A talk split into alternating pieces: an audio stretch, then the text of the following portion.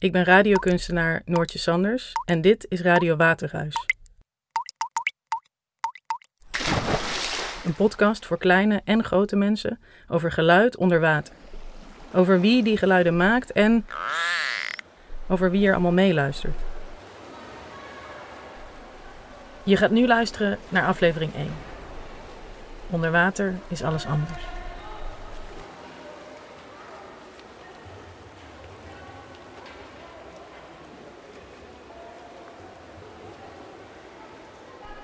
Toen ik nog op zwemles zat, moest ik leren zwemmen onder water.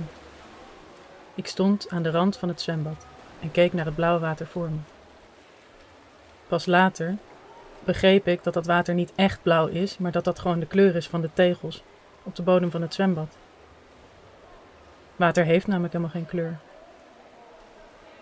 Ik ben, geloof ik, nog nooit in een zwembad geweest waar de tegels onder water niet blauw zijn. Zouden badmeesters dat afspreken met elkaar? Ik denk dat die tegels blauw zijn, zodat je denkt dat je in de zee zwemt. Zo'n warme zee, zo'n fijne, ergens in het zuiden. Zo'n zee met witte stranden en helder water, zo'n zee die blauw is. Niet zoals de Noordzee, die is altijd bruin of groen en troebel en koud. Nee, zo'n echte zee. Een blauwe waar je doorheen kan kijken. Ik denk dat de zee mijn lievelingskleur is. Maar in zo'n zee ben ik niet. Ik ben in het zwembad. Het zwembad met gladde tegels, waar je niet over mag rennen. En de geur van chloor die in mijn neus prikt en zo vast ook in mijn ogen als ik onder water moet. En met Noah en Lucas die achter elkaar aanrennen over die tegels, waar je niet op rennen mag. En dan gillen als ze uitglijden. Soms denk ik dat Lucas in het zwembad nog harder schreeuwt dan dat hij dat op het schoolplein doet. Geluid is eigenlijk een trilling. Als Lucas iets zegt, of schreeuwt, maakt hij de lucht om zich heen aan het trillen. Kun je natuurlijk niet zien, want die lucht is onzichtbaar. Maar heb je wel eens een steen in het water gegooid? En dan naar de kringetjes gekeken die op het water groeiden terwijl de steen zonk? Zo werkt geluid eigenlijk ook. De trilling van Lucas' stem rolt door de lucht als een kring op het water. De kring wordt steeds groter en groter tot hij tegen iets anders aanbotst. Mijn oor bijvoorbeeld. Of die van jou. En dan kun je dus horen wat hij zegt. En als het goed is, kun je niet alleen horen wat hij zegt, maar ook waar die staat terwijl hij dat tegen je zegt. Dat komt omdat je niet één, maar twee oren hebt. Twee oren. Die de hele dag moeten luisteren naar alles wat om je heen gebeurt. Soms is dat best vermoeiend. Zeker als Lucas niet aan het praten is, maar aan het gillen en helemaal niet stilstaat, maar aan het rennen is. Soms wou ik dat ik mijn oren gewoon even uit kon zetten.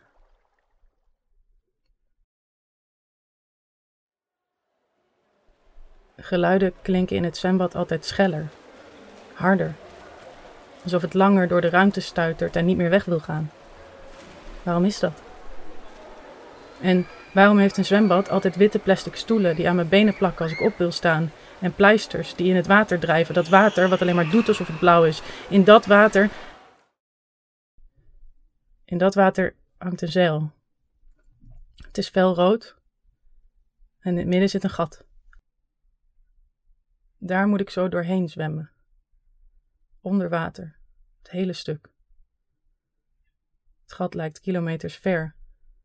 En terwijl Aisha voor me naar het gat toe zwemt, hou ik samen met haar mijn adem in. Om alvast een beetje te oefenen. Ik heb het gevoel alsof mijn badpak te strak zit. Als ik aan de beurt ben en in het water spring, zie ik aan de andere kant van het bad Lucas weer rennen. Dat mag helemaal niet, en ik weet zeker dat hij zo uitglijdt en dan valt. En dat hij dan gilt en dat de badmeester dan naartoe moet. En dan niet ziet dat ik nog onder water ben. En dat ik dan vast kom te zitten in dat gat en dan niet meer boven kan komen. En dan. Je mag helemaal niet rennen in een zwembad. Ik kijk naar de bankjes bij de muur. Daar zit mijn vader. Mijn vader die wel naar me kijkt. En niet naar Lucas, hoe hard hij ook rent. Mijn vader zwaait en ik haal adem. Ik probeer alle lucht uit het hele zwembad in mijn longen te krijgen. En dan duik ik onder water. Daar is alles anders. De strakke lijnen van de tegels lijken wel te dansen. Ze zijn wazig, uitgelopen als een streep op papier gezet met een vulpen waar ranja op gelekt is. Onder water zijn tegels dansende inktvlekken. Het blauw is veel blauwer. Veel mooier blauw dan dat wat uit mijn vulpen komt.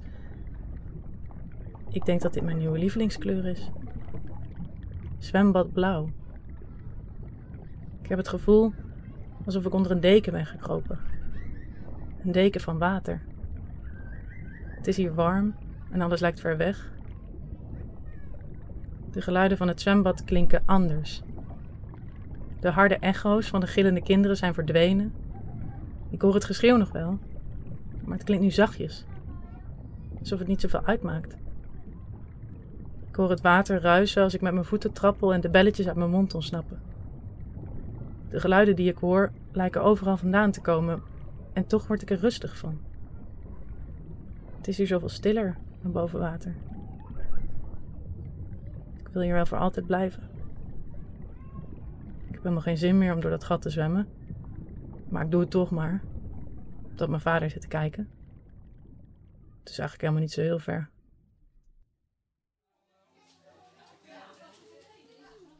Na zwemles zitten mijn vader en ik samen op het bankje tegen de muur van het zwembad. Hij zit links en ik rechts. Ik vertel hem over mijn nieuwe lievelingskleur. Over hoeveel mooier het blauw is als je er onder water naar kijkt. En over de pleister op mijn knie, die na het zwemmen ineens niet meer op mijn knie zat. Het geluid van mijn stem reist als een klein golfje door de lucht heen. En botst het eerst tegen papa's oor aan, die het dichtst bij me is. Zijn rechteroor. Ik zit namelijk rechts naast hem.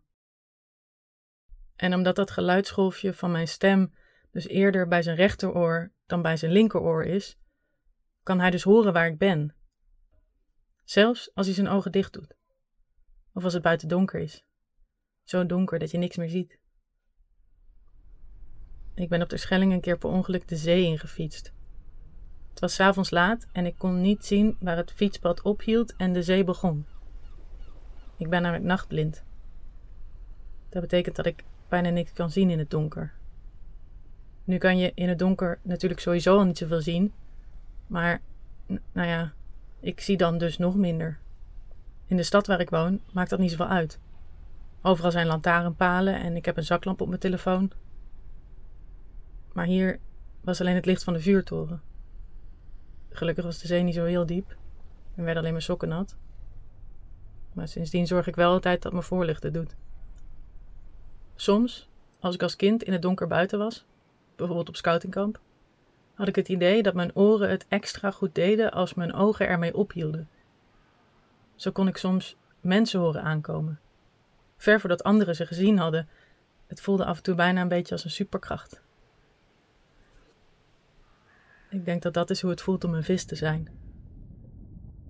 Vissen leven namelijk in een hele andere wereld dan dat wij doen. Het licht van de zon, het licht wat ervoor zorgt dat ik kan zien waar ik loop en alleen s'nachts over mijn eigen voeten struikel, schijnt onder water namelijk veel minder ver. In een zwembad kun je gewoon de bodem zien, maar een zee of oceaan is natuurlijk veel dieper. En hoe dieper je naar beneden gaat, hoe donkerder het wordt ook is water in de natuur veel troebeler dan in een zwembad. Dat komt omdat er allemaal dingen in drijven. Zoals het zand van de bodem, gebroken schelpjes, algen, andere waterplantjes, bacteriën, kleine beestjes die je alleen met een microscoop kan zien. En stel je maar eens voor dat je tikkertje speelt.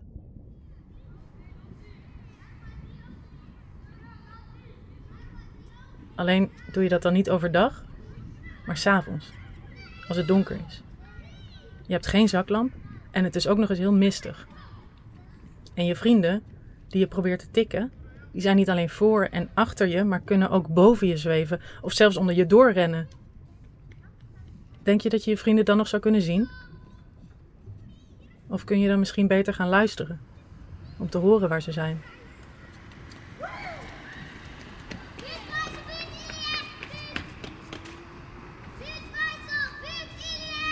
Nou, dat doet een vis dus ook. Als je zo weinig kan zien om je heen, is vertrouwen op wat je hoort gewoon veel slimmer. Daarom hebben de meeste waterdieren verschrikkelijk goede oren. Veel beter dan die van mij, zelfs als ik buiten ben in het donker en mijn ogen het niet zo goed meer doen. Nu lijkt het misschien gek om te zeggen dat vissen oren hebben. Maar het ligt er maar net aan wat je oren noemt. Ze hebben inderdaad geen flappers aan de zijkant van hun kop zoals wij dat hebben, maar vaak hebben ze daar wel kleine gaatjes. En daar, binnenin, daar zitten hun oren. Je noemt dat een binnenoor. En die hebben we zelf ook, achter die grote flappers dan. Alleen ons binnenoor is gemaakt om te luisteren naar geluid in de lucht, terwijl het binnenoor van vissen juist heel goed is in luisteren naar water. Want onder water is alles anders. De trillingen die zorgen dat geluid van de ene naar de andere plek kan reizen. Die trillingen die een golfje maken, als een kring op het water die steeds groter en groter groeit. Die trillingen kunnen onder water veel verder reizen dan in de lucht, tot wel vijf keer zo ver. En dat betekent dat je geluid dus veel beter kan horen op veel langere afstanden. Als Lucas aan de ene kant van het zwembad aan het gillen is met Noah, en ik loop helemaal naar de andere kant van het zwembad waar mijn vader zit, zal ik hem waarschijnlijk niet meer horen.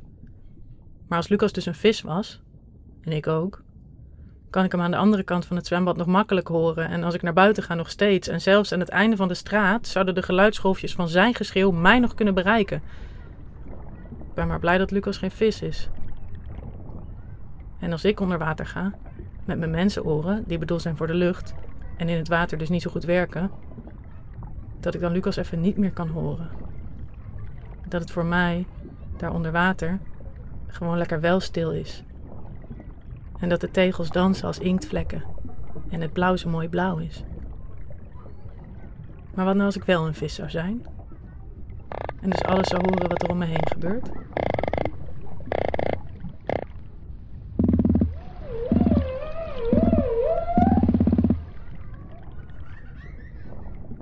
Ik denk niet dat ik dan in het zwembad zou blijven.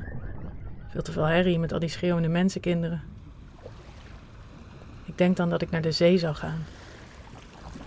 Naar de Noordzee. De Noordzee die bruin is en groen en troebel en koud, maar waar Lucas in ieder geval niet kan komen. En wat ik met mijn vissenoren daar allemaal zou horen, dat hoor je volgende week. Ik ben Noortje Sanders en dit was de eerste aflevering van Radio Waterhuis. Volgende week komt de tweede aflevering en die gaat over de Noordzee. Luister je dan weer mee? Ik eindig iedere aflevering met een wetenschappelijk onderzoek waar je zelf aan mee kan doen. Wil je weten hoe? Blijf dan nog even luisteren.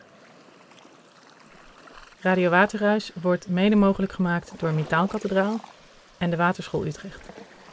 Bij deze aflevering hoort ook een doeblaadje. Met leuke spelletjes of knutselprojecten die te maken hebben met waar je net naar geluisterd hebt. Het doelblaadje kun je downloaden in de beschrijving van deze aflevering. Het wetenschappelijk onderzoek van deze week heet Penguin Watch. De link naar dat onderzoek vind je in de omschrijving van deze aflevering. Via die link kun je kijken naar foto's van pinguïns en tellen hoeveel er op de foto staan. Dat tellen is voor wetenschappers heel belangrijk om meer over pinguïns te leren, maar ze hebben veel te veel foto's om dat alleen te doen. Dus mag je meehelpen. De website is in het Engels, dus het is leuk om dat samen met een volwassene te doen. Veel plezier met tellen. Dit was Radio Waterhuis voor deze week. Dankjewel voor het luisteren en tot volgende week.